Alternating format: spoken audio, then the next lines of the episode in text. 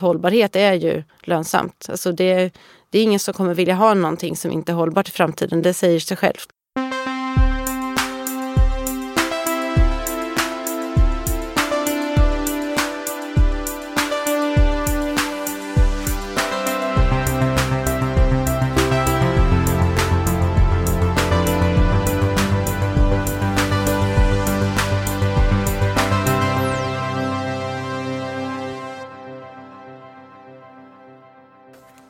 Här är Heja Framtiden, podden om framtiden. Jag heter Christian von Essen och vi sitter på Helio GT30 i Stockholm under brinnande coronapandemi med eh, Maria Brogren från eh, WSP. Välkommen till podden. Tack så jättemycket. Kul att vara här. Jag kom fram till att vi har hörts tidigare i olika sammanhang när du var på Sveriges eh, Byggindustrier. Mm. Energi och miljöchef. Var det så? Ja, absolut. Jobbade med energi, miljö och klimatfrågor på branschorganisationen som nu heter Byggföretagen. Jaha, den bytte? Okay. Ja, vid årsskiftet här tror jag. Ah. Men och vad är din bakgrund annars då? Ja, om man ska gå långt tillbaka så är jag uppvuxen på bondgård. Stora syster, äldsta fyra syskon. Eh, bondgård med mycket djur och skog och spannmål och allt sånt. Och jag, anledningen till att jag säger det är att jag tror att det har präglat mig ganska mycket det här med ansvarstagande och ja, hänsyn om både natur och, och människorna runt omkring. Eh, och en nyfikenhet också för, för problemlösning. Och så. Det hände alltid saker på den där bondgården med maskiner som gick sönder och vi var tvungna att fixa och dona. Så jag tror att det har präglat mig ganska mycket. Sen så har jag också en väldigt teoretisk bakgrund, en lång akademisk bakgrund i Uppsala som teknisk fysiker och teknologidoktor i solenergi.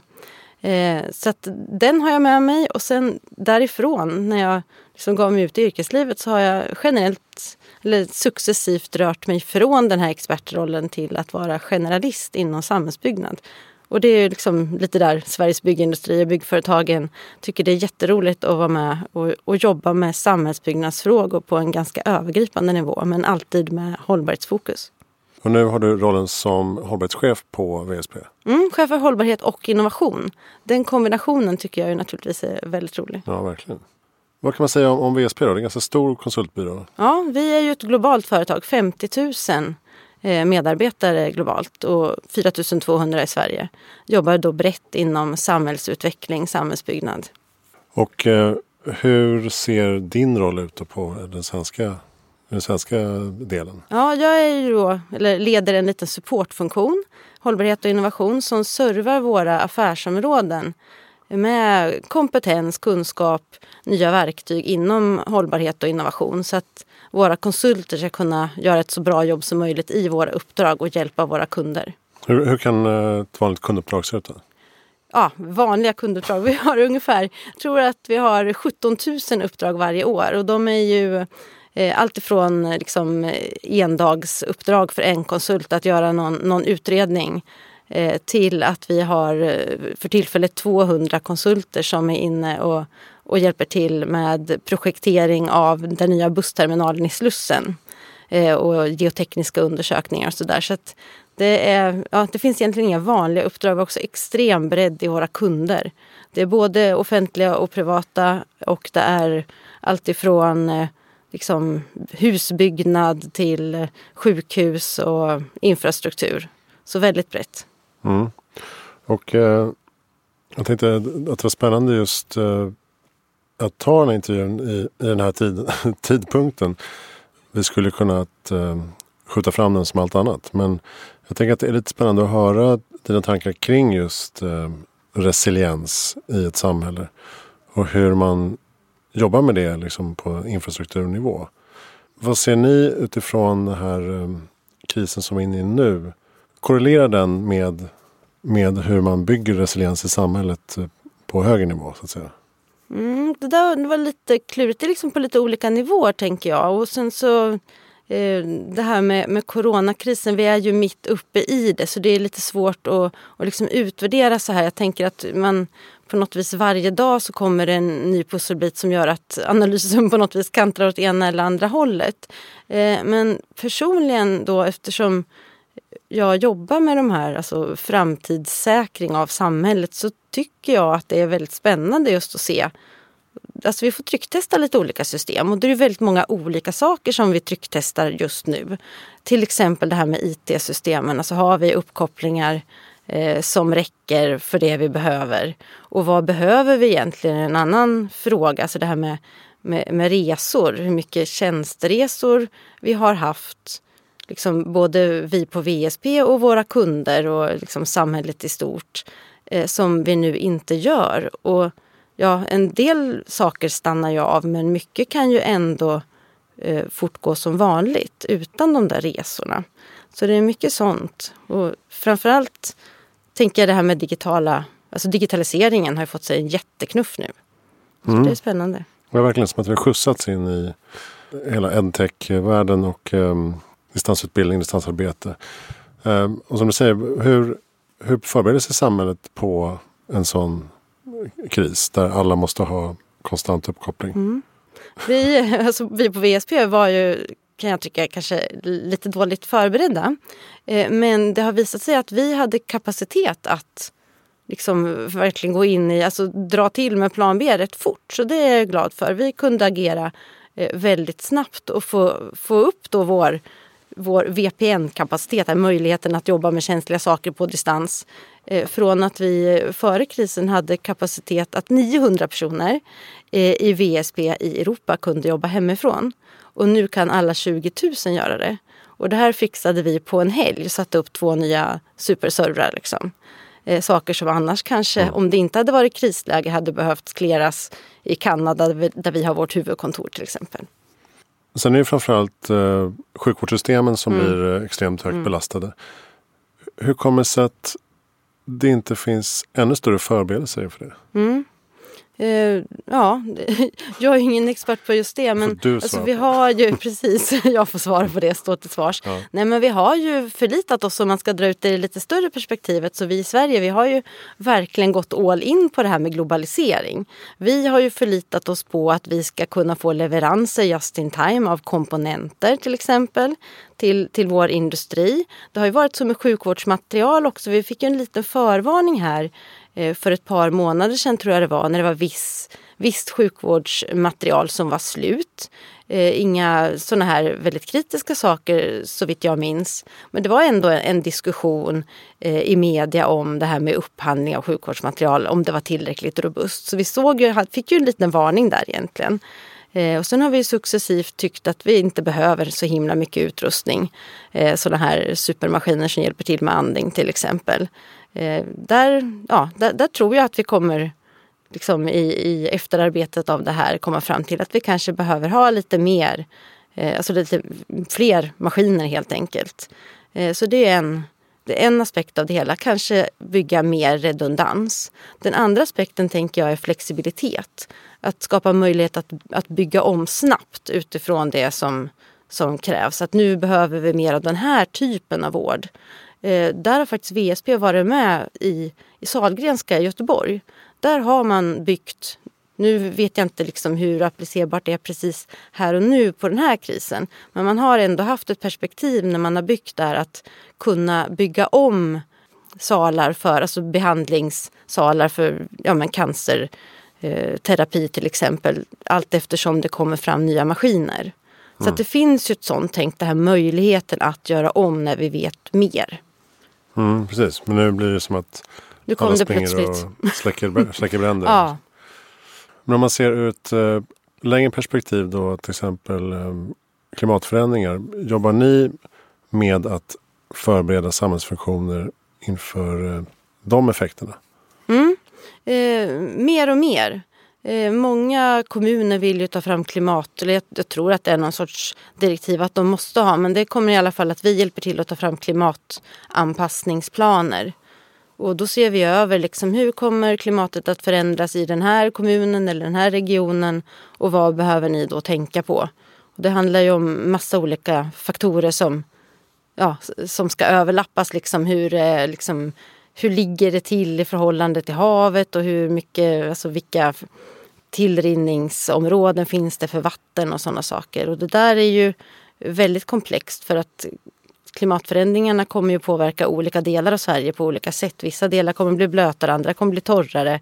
I vissa områden kommer nederbörden komma mer hoptryckt under året och sådär. Så att det, det behöver man se på från fall till fall. Men det, det börjar komma en medvetenhet. Och det känner ju vi också att vi, vi får fler och fler vill att vi ska komma och hjälpa till med det här. Mm. Ja, för det, det tänker jag också ofta att klimatförändringarna är ju någonting som vi vet kommer komma mm. i olika utsträckning i olika tidpunkter. Så att det enda vi kan, eller det enda vi kan göra, vi, samtidigt som vi agerar för att motverka koldioxidutsläpp så måste vi även bygga resiliens för att uh, kunna motstå ja. de påfrestningarna på infrastrukturen. Till exempel. Jag tycker vi har kommit dit nu i samhället att det är accepterat. Fram tills för några år sedan upplevde jag att det faktiskt inte var accepterat att prata om det här med klimatanpassning. För då hade man gett upp. Och Jaha, så ser jag okay. det inte. Alltså, ja, det var en riktig sån eh, diskussion inom till exempel om man jobbar med förnybar energi. Då var det lite fult att prata om att vi måste anpassa samhället utan då skulle allting lösas med liksom, vi ska inte ha några utsläpp, det är så vi ska göra. Vi ska inte prata om anpassning för då har vi gett upp. Men nu, jag tror nu är medvetenheten stor om att ja, alltså sorry, vi har redan fuckat upp tillräckligt så att vi måste hantera det här. Vi måste jobba stenhårt på båda fronterna. Mm. Ja, det finns ingen antingen eller? Nej, liksom... nej, nej, det är verkligen både och nu. Ja, men just eh, vatten som du är inne på har ju ni jobbat ganska mycket med. Vad är det för utmaningar man står inför vad gäller vatten? Ja, det är också det här med både och. Alltså att det, kommer att, det kommer vara så olika. Alltså klimatförändringarna kommer ju innebära stora förändringar för vattenförsörjningen. Alltså nya förutsättningar. Det handlar alltifrån om att det kommer att vara mer vatten att ta hand om på vissa ställen eh, som då ökar risk för översvämningar vilket i sin tur kan föra, föra med sig jordskred och sådana saker. Och att system, alltså in, infrastrukturen, kollektivtrafiken till exempel, inte fungerar. Eh, så det är den ena, det här med för mycket vatten, för mycket vatten på fel ställe. Eh, det kan också leda till att vi får ja, för mycket vatten i våra reningsverk så inte det fungerar och sådär. Så det är den ena aspekten. Eh, den andra aspekten är för lite vatten. Att det, och det har vi redan sett liksom sommaren med torka, vad det innebär. Både i form av att det kan faktiskt bli vattenbrist på vissa ställen men också ja, risk för skogsbränder. Och och hur kan man eh, lösa de olika typerna av problematik?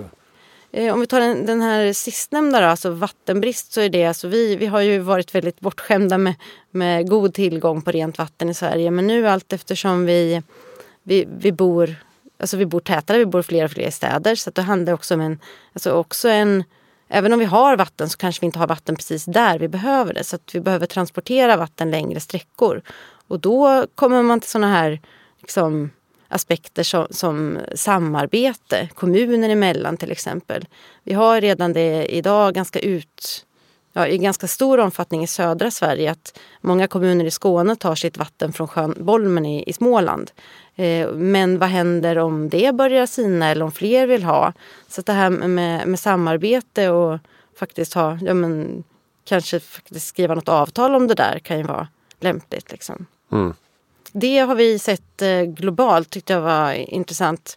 Eh, vi samlar en, en, vi har gjort en global rapport som heter Global City Index där vi har jämfört olika städer, hur framtidssäkra de är. Eh, och en fråga där var ju vatten. Och då var det exemplet från Singapore att där har de i princip ingen egen dricksvattenproduktion eller sånt, utan de får sitt dricksvatten från Malaysia.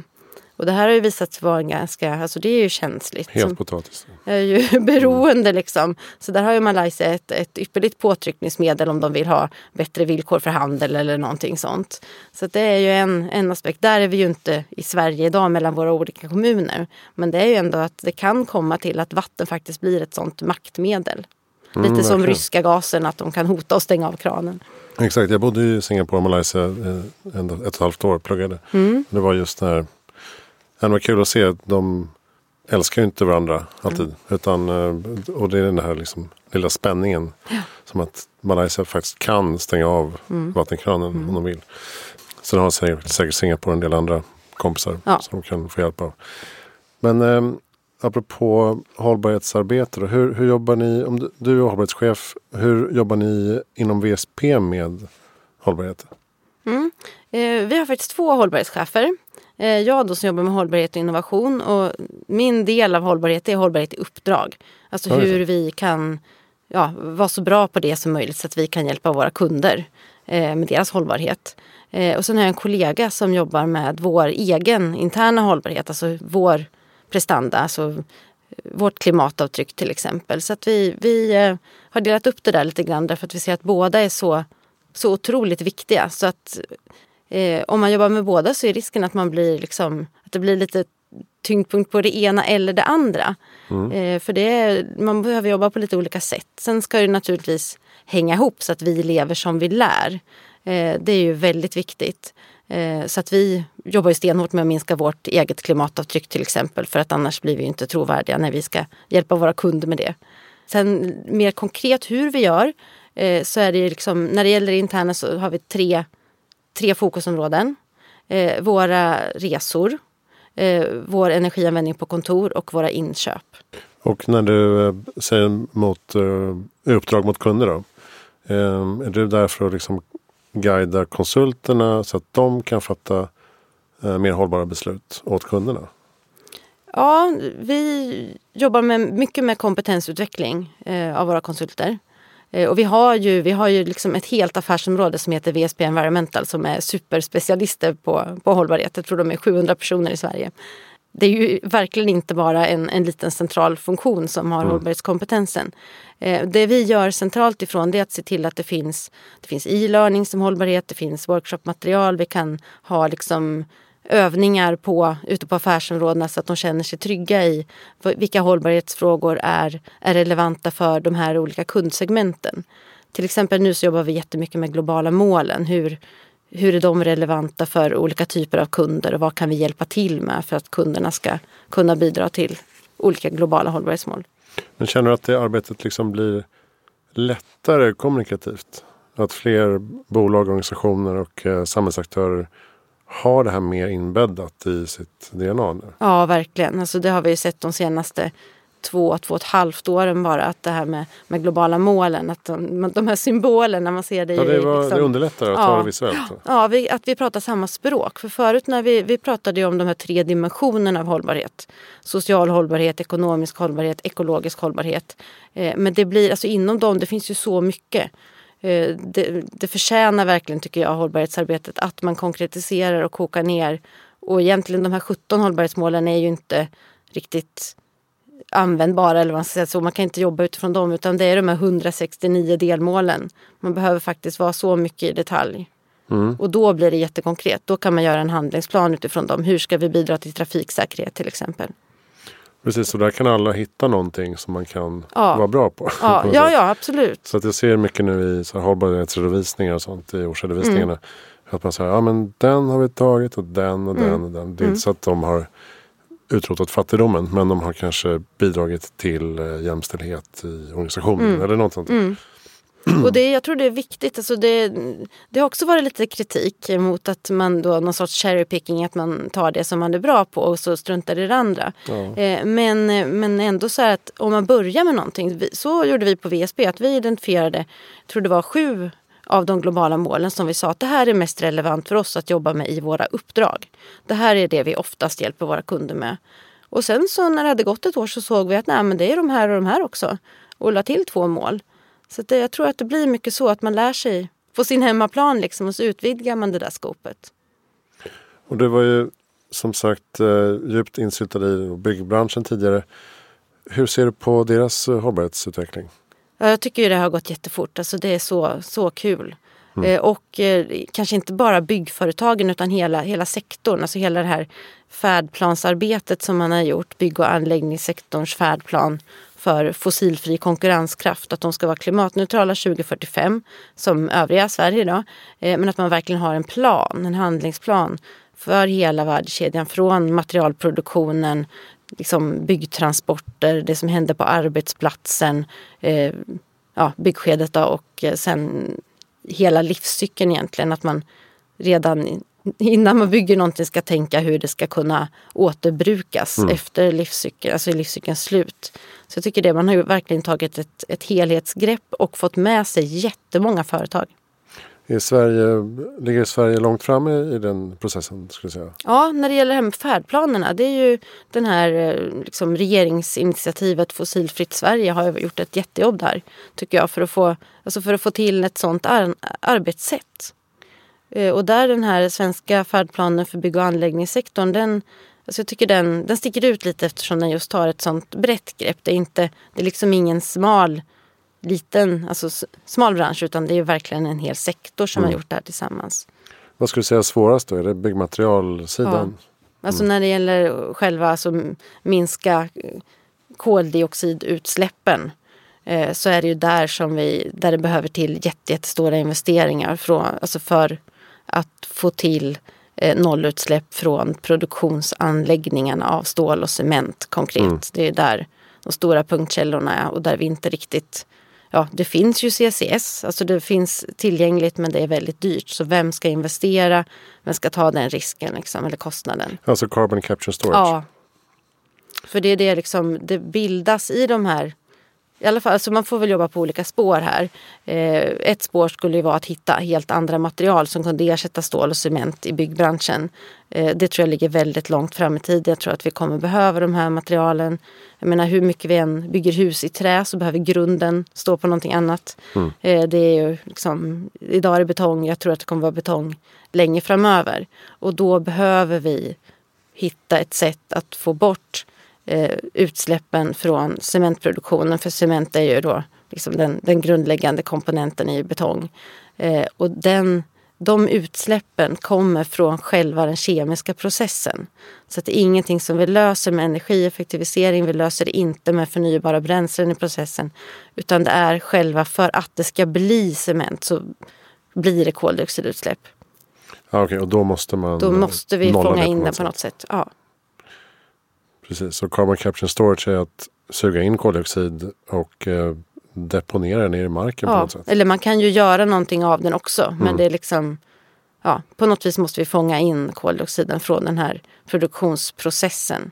Sen jobbar de med andra saker också. Alltså det här med energieffektivisering och förnybara bränslen i processen. Det tar ner delar liksom. Men jag mm. tror mm. inte, så vitt jag vet, att man kommer ner under 50 procent. Och det är fortfarande väldigt stora utsläpp kvar. Men i stålindustrin har vi till exempel Hybrid som vi varit inne på tidigare. Mm. Eh, mm. Där man verkligen har sagt att 2045 är det också va? Jag har inte exakt årtal men det, verkar, det är ju en sån teknik. Det är liksom, om man säger att det är spåret för, för stålproduktionen, det här med hybrid. Eh, att använda vätgas istället för, för kol i processen så att man då får ut vatten istället för koldioxid Ja, förlåt, eh, fossilfritt stål 2035. Ja, mm. Mm. ja, det är SSAB, LKAB och Vattenfall ja. som har Och där ligger gemensamt. vi i Sverige långt framme och kör, kör det spåret. Och så tror jag man kör något annat spår för stål i Storbritannien. Så det är bra att vi liksom, liksom vi tar ansvar för det här. Vi försöker få fram koldioxidfritt stål i Sverige. Just det. Men om man tänker på er, er devis då på EVSP, att alltså, framtidssäkra eh, samhället. Mm. Vad skulle man kunna bli bättre på där? Var är vi liksom fortfarande sårbara? Man ska välja ut något enskilt är svårt men det är ju, ja, jag tänker på en är ju det här med, med transporterna. Alltså om man tar klimatfrågan igen då, så behöver vi ju eh, få ner utsläppen från transportsektorn. Vi har ju planer för vissa delar av det eh, och mycket handlar ju om elektrifiering. Men mycket handlar också om järnväg och där tycker jag att vi är sårbara Eh, som det ser ut idag. Både ur ett alltså, kortsiktigt att eh, det är Ja, det behöver mer, behövs mer underhåll helt enkelt. Vi behöver få systemet att fungera bättre här och nu. Eh, men på lång sikt behövs det också mer kapacitet och eh, en, en framtidssäkring ur ett klimatperspektiv. Eh, vi vet eh, redan idag att vi har lite problem när det är för varmt till exempel med solkurvor och sånt. Eh, och vi eh, kommer få mer problem om det börjar regna mer med andra delar av systemet där det kommer påverka. Så att, eh, jag tror järnvägen behöver, behöver vi ta tag i. Mm. Ja, det är sant. Ett, ett stopp kan ju påverka väldigt mycket, mm. väldigt mycket leveranser och persontrafik samtidigt. Och det är så, en sån viktig grundbult liksom i att få ett klimatneutralt transportsystem. Jag utgår från att ni också ser en, en framtid där eh, transporter är elektrifierade, delbara och eh, autonoma egentligen? Ja, eh, delvis ska jag säga. Nu tar jag på mig den här expert, expertrollen igen. Lite så här å ena sidan och andra sidan. Ja. Och att det, det, här är komplext. Eh, för nu sa du, eh, du sa autonoma och så sa du delade och elektrifierade. Mm. Och vi ser väl alla de tre Eh, trenderna om man säger så. Men inte nödvändigtvis som ett paket. Utan det kan vara så att man i, i vissa delar av, av Sverige har, gör något av det här eh, I vissa kanske man har en kombination av två och i någon annan, i någon annan tillämpning så passar det med, med det tredje spåret. Så det är lite olika. Och det här, om man tar det här med autonoma fordon så tror vi att det kanske kommer eh, i vissa liksom, stadsdelar där man har många autonoma fordon och att det är det som gäller där. Eh, det är lite svårt, ser det ut som. I våra, vi har experter som gör simuleringar av det här. Att när man blandar autonoma fordon med vanliga, liksom där det mm. finns en förare, då kan det bli problem. Så att vi tror väl liksom, dels det här med lite mer renodlat i vissa delar. Eh, men också kanske för, för land, alltså, vad säger, motorvägstransport, långa sträckor eh, på en sån, liksom, den här vägen kör vi kör vi på det här sättet liksom, mm. för gods till exempel. Så att det är några liksom, specifika tillämpningar. Eh, tror vi på det. Eh, elektrifiering tror vi generellt kommer eh, väldigt mycket. Det kommer ju vara avgörande för att lösa klimatfrågan tillsammans kanske med förnybara bränslen i vissa tillämpningar. Och elektrifiering kan ju vara, det kan vara batterier men det kan också vara vätgas. Och det kan vara elvägar. Eh, sådana vägar som, alltså där du laddar bilen under tiden du kör. Att du har antingen med, med induktion från körbanan eller en sån här av, elavtagare på, på taket. Eh, och det testar ju Sverige nu. Eh, och VSP är med och projekterar, så gör ritningar till en sån elväg mellan, mm. jag tror att det är Örebro och Hallsberg. Så en, och så kommer det vara ytterligare en i Sverige, så två stora, alltså lite större anläggningar. För lastbilar? Ja. Eh, jag vet inte om det bara är lastbilar, men det är ju den här. Det har, sen har vi två tidigare, en vid Sandviken och en vid Arlanda. Så här demonstrationselväg. Ja, så det, det tror jag är en, en, teknik som kommer just för de här eh, lite längre sträckorna. Att då kör du liksom på den här elvägen och så kör du på den en lång sträcka och sen kör du av. Eh, så det är ju en, en, en teknik. Mm. Ja, men som du säger, det är det som talar emot att liksom få den här självkörande vågen. Att den ska liksom plötsligt skölja över mm. oss. För tekniken finns ju på plats. Men, mm. men just att implementera skarpt i trafiken där det är på liv och död mm. kommer ju vara väldigt knepigt ja. om man inte undanröjer de, de andra. Ja. De där o, osäkra ja. mm. fysiska elementen. Ja. Humana det, elementen. Mm. Däremot, om Så man, kulturfråga mycket. Ja. Men däremot, det, här, alltså det finns ju, man kan ju använda tekniken Eh, det här med, med, kanske inte underröja de andra, men att understödja eh, den förarstyrda trafiken om ja. man säger så. Eh, genom att hjälpa till med sensorer och att du ändå kan upp, vara uppkopplad så att du kopplar ihop fordonen med trafikljusen till exempel och med prognoser. Du kanske styr både trafikljusen och vägtullarna och sådana saker. Så att du kan få mer miljövänligt system i och med att du kan minska utsläppen för att du styr du kan styra hastigheter, du kan gå in liksom och, och, ta över vissa saker och du kan få ökad trafiksäkerhet om du också kan gå in och, och ta över och se att nej, men nu behöver vi sänka hastigheten här och nu ser vi att det kommer fler bilar från det här hållet och ändrar vi eh, frekvensen i trafikljusen. Mm. Sånt finns ju delvis idag men jag tror man kan göra mycket mer Alltså med teknik där. Du behöver liksom ingen ny bil, du behöver en uppkoppling. Ja, du tänker så. Att det inte är liksom att hela bilen måste vara en stor Tesla. Utan Nej, utan du har, vi har ju väldigt mycket telefonen, sånt redan mm. idag i våra bilar. Jag blev glad bara senaste månaderna när Google Maps började visa hastighetsbegränsning mm. på mm. vägen. Det har jag alltid undrat varför kan mm. man inte göra det? Mm. Men nu finns det i mm. alla fall. Här är 80. Mm. Det tycker jag är jättefint. Men jag tänker så här, hur, hur, hur skulle stadsbilden kunna påverkas av, av den utvecklingen som vi ser? Ja, det är ju det här, så vi, vi ser ju inte att den här utvecklingen kommer gå så väldigt fort. Så det är ju, ja precis. Ja, nej, men för det finns inte riktigt de drivkrafterna på plats för att få till det här. Och jag menar, vi alla vill ju ha den här promenadstaden. Men samtidigt någonstans så finns det ju den här ja men jag skulle bara. Eh, och så kanske man tar bilen. Eh, men det är alltså det, ja, jag har inte den där det, det här guldägget liksom. Nej, som, som kommer att lösa allting. Men alltså det går ju, det går ju mer och mer mot gågator och pop-up-parker och sådär. Eh, men det går ju det går ganska långsamt. Sen kommer det där, alltså jag tror också om man får gå tillbaka lite till det här med, med olika alltså mobilitetstjänster och sådana saker så är det ju väldigt olika förutsättningar på olika, alltså i, i storstäderna så, så kommer ju utvecklingen gå fortare. Där vi har, alltså vi har inte så himla stort behov av bil, de allra flesta i storstäderna. Så vi har ju, där man har väl utbyggd kollektivtrafik. Tunnelbanan, det är ju hur smidigt som helst. Det, är liksom, det här att det ska vara smidigt är ju någon sorts Alltså vi är ju grunden lata, verkar det som. Mm. Så att man tar enklaste lösningen och då kommer den vara olika beroende på hur tätt vi bor och hur god tillgång det finns på kollektivtrafik egentligen. Då.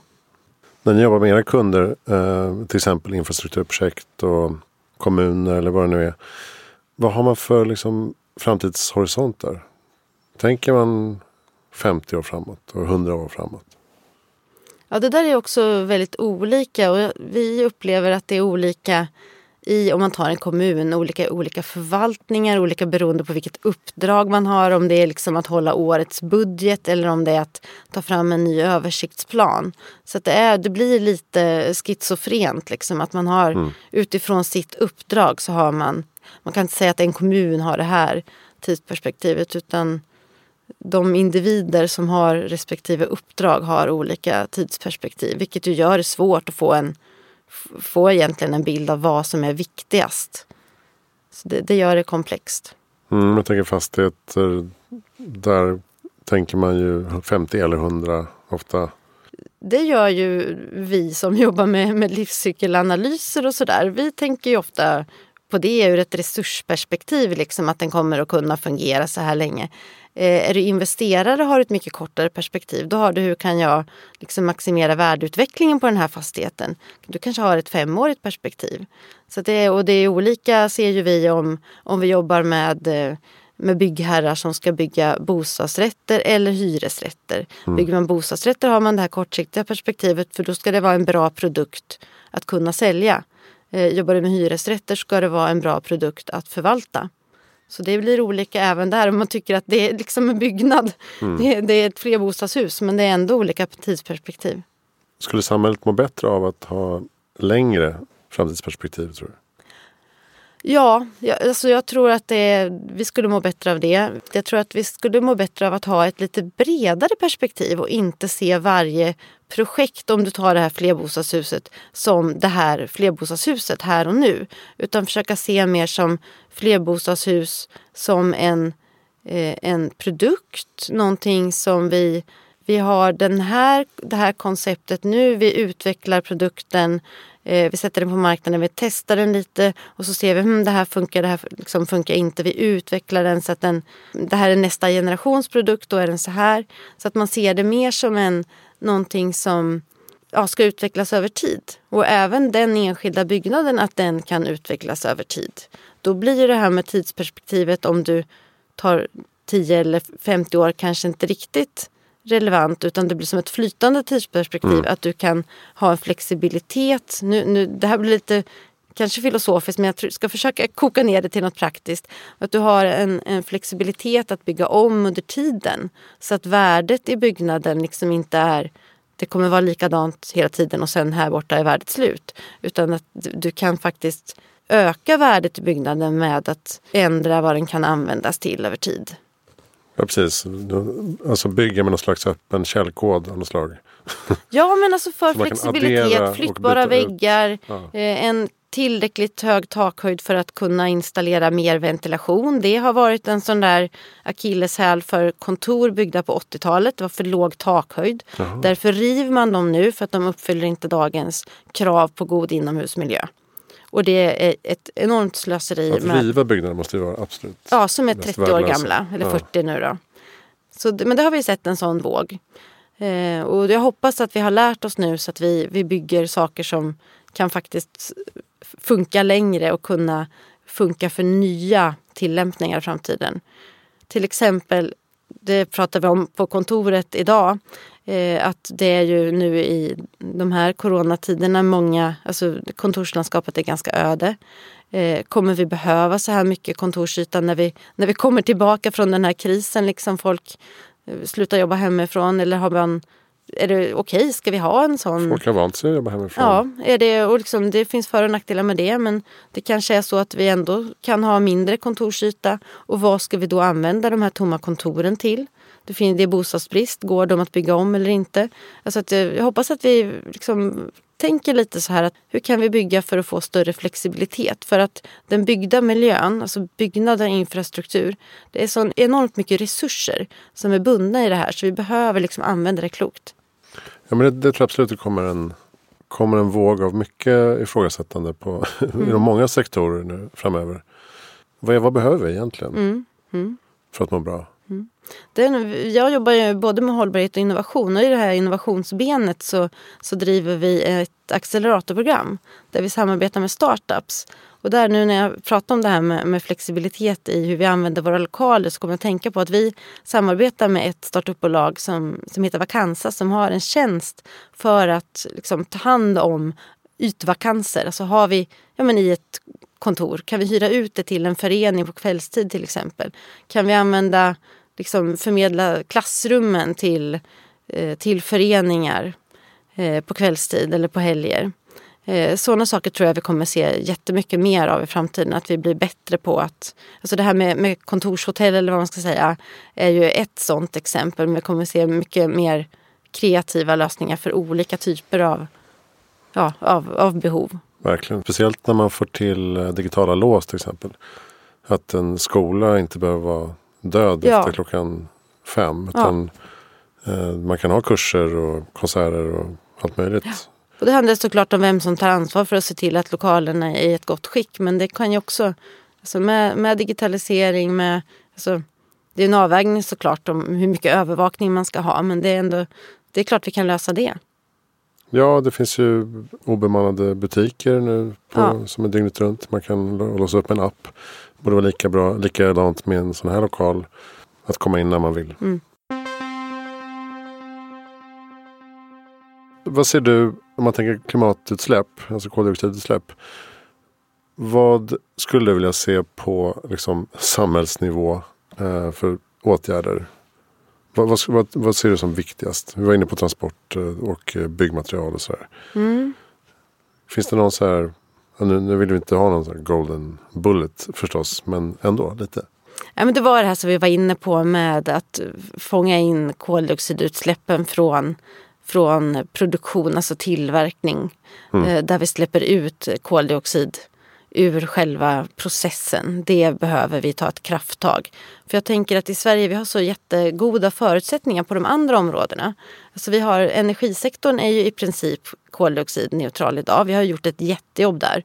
Och ställa om, vi eldar i princip ingen olja. Så att det är liksom uppvärmning och elproduktionen är ju i princip bara förnybar energi och, och kärnkraft. Då, men det är inga koldioxidutsläpp. Eh, och när det gäller transportsektorn så tycker jag att vi ändå har en plan. Om vi får till det här med elfordon och, eh, och järnvägen som fungerar. Så den, sen är det liksom industrisektorn som, som är den som vi behöver få till. Mm. Eh, och det är ju så här, ja i Sverige. Men den största liksom, största, svåraste nöten att knäcka är ju våra konsumtionsbaserade utsläpp. Den, de utsläpp som sker ja, både i Sverige men kanske framförallt i andra länder på grund av vår konsumtion. Mm. Och där behöv, det är ju ett, ett konsumentbeteende som måste till. Ja, och jag tänkte säga det också att vi kan ju prata jättelänge om hur, hur duktiga vi är i Sverige men det spelar inte mm. stor roll om, om världen inte Eh, har kommit lika långt. Nej. Och om vi fortsätter att köpa då? Ja precis, stö mm. stöder den mm. ohållbara ekonomin. Men där kanske ni som ett globalt konsultbolag, eh, ni måste kunna använda väldigt snabbt och best case eh, lösningar för att applicera på andra kunder.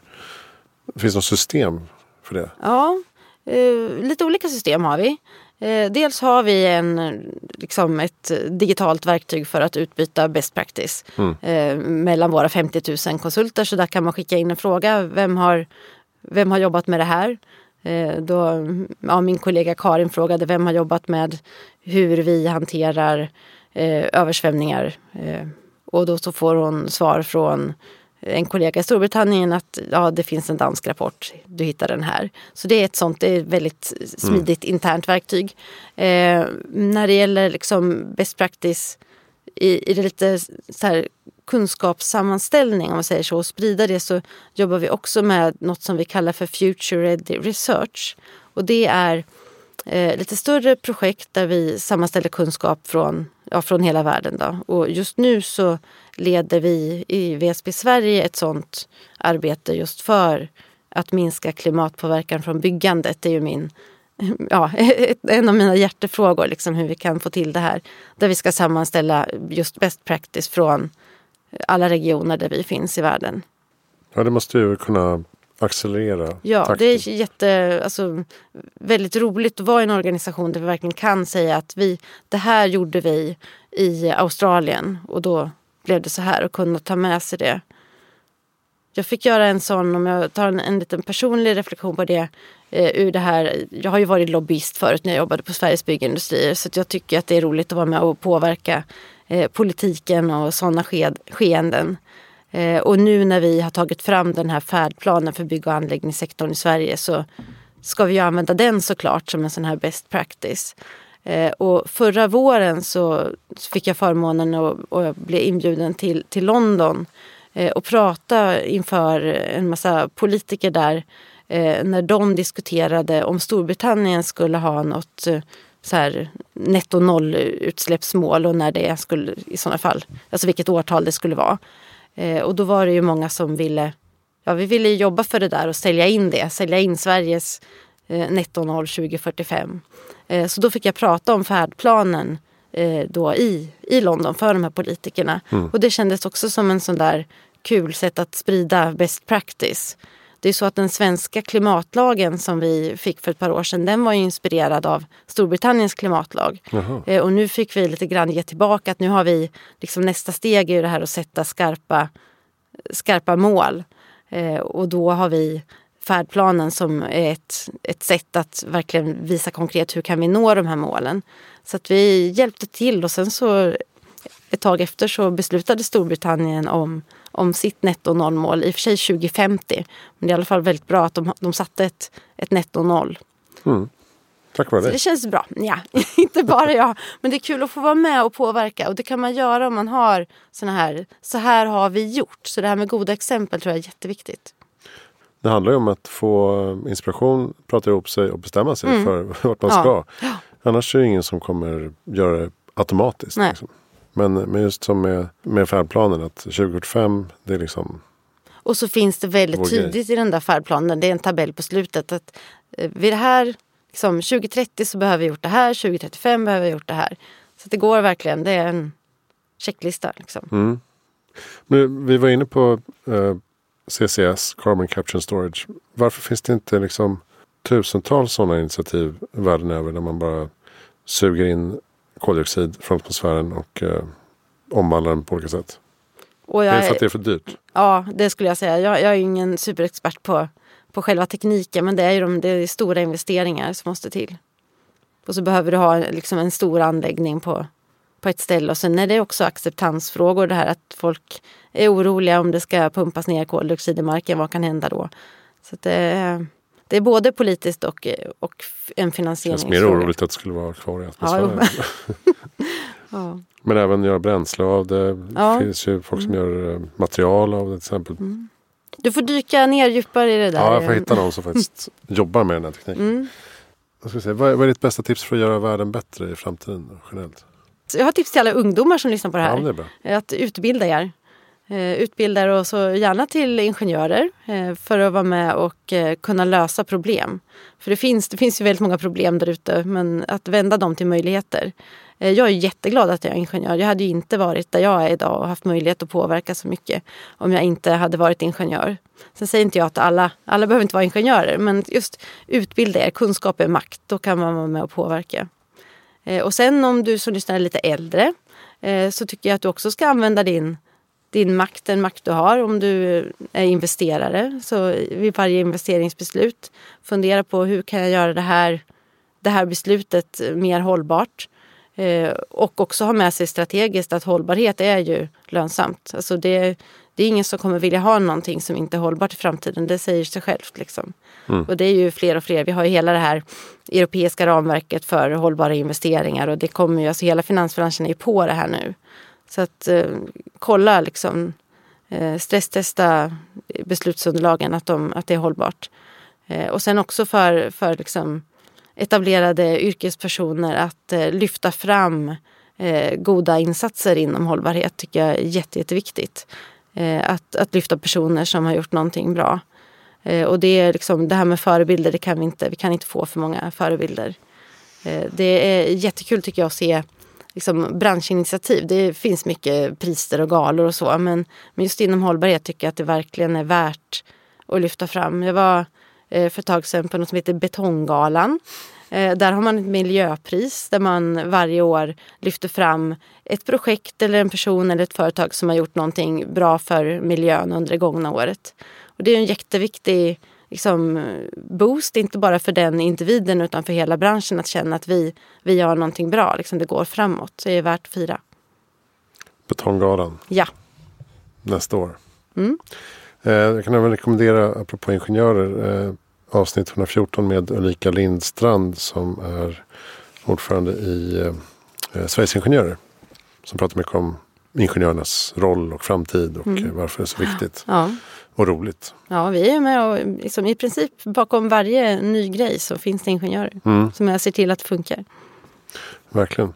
Och eh, hållbara investeringar hoppas vi kunna göra ett Heja Framtiden magasin. Eh, vi håller på att utreda det nu. Eh, vi gjorde ett magasin i januari som hette Framtidens hållbara matsystem och nu vill vi göra Framtidens hållbara investeringar. Mm. Det beror på lite Den skulle jag konjunkturen, konjunkturen om det, allting kraschar. Men mm. eh, man behöver ju definitivt satsa på hållbara investeringar eh, i det här läget. Ja, det här, alltså det är ju, eh, nu är vi mitt i det och jag förstår att det är många liksom som har förlorat mycket pengar och så. Eh, men det är också en chans att se över sin portfölj, tänker jag, vad vi ska mm. satsa på framöver. Det kommer, alltså det här kan snabba på omställningen. Även om det var, var tufft. är tufft nu. Mm. Verkligen. Vem tycker jag ska intervjua i Heja Framtiden? Ja, nu är vi ju mitt uppe i den här coronakrisen så att jag tänker att det vore, när, det har, när vi är igenom eh, så tänker jag att det vore intressant att eh, intervjua Anders Tegnell. Mm. Eh, om hur han tänkte, hur han såg på framtiden när han var i det. Och hur han reviderade sin framtidsbild efterhand. För det har ju varit många olika turer nu. Så det, det händer ju saker hela tiden. Men så här, mm. sen i backspegeln kan det vara kul att se hur han om han ändrade sin, sin framtidsbild och vad han har lärt sig och ta med sig till framtiden om det kommer fler pandemier. Ja, precis. Apropå resiliens och redundans och allt vad det heter i uh, ett samhällsperspektiv. Ja, hur skulle vi gjort det annorlunda nästa gång? Mm.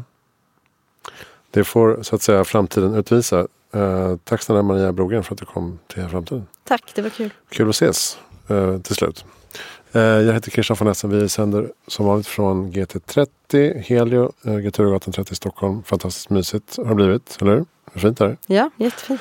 Hejaframtiden.se, det finns allt du behöver veta. Och um, tack för att du lyssnar.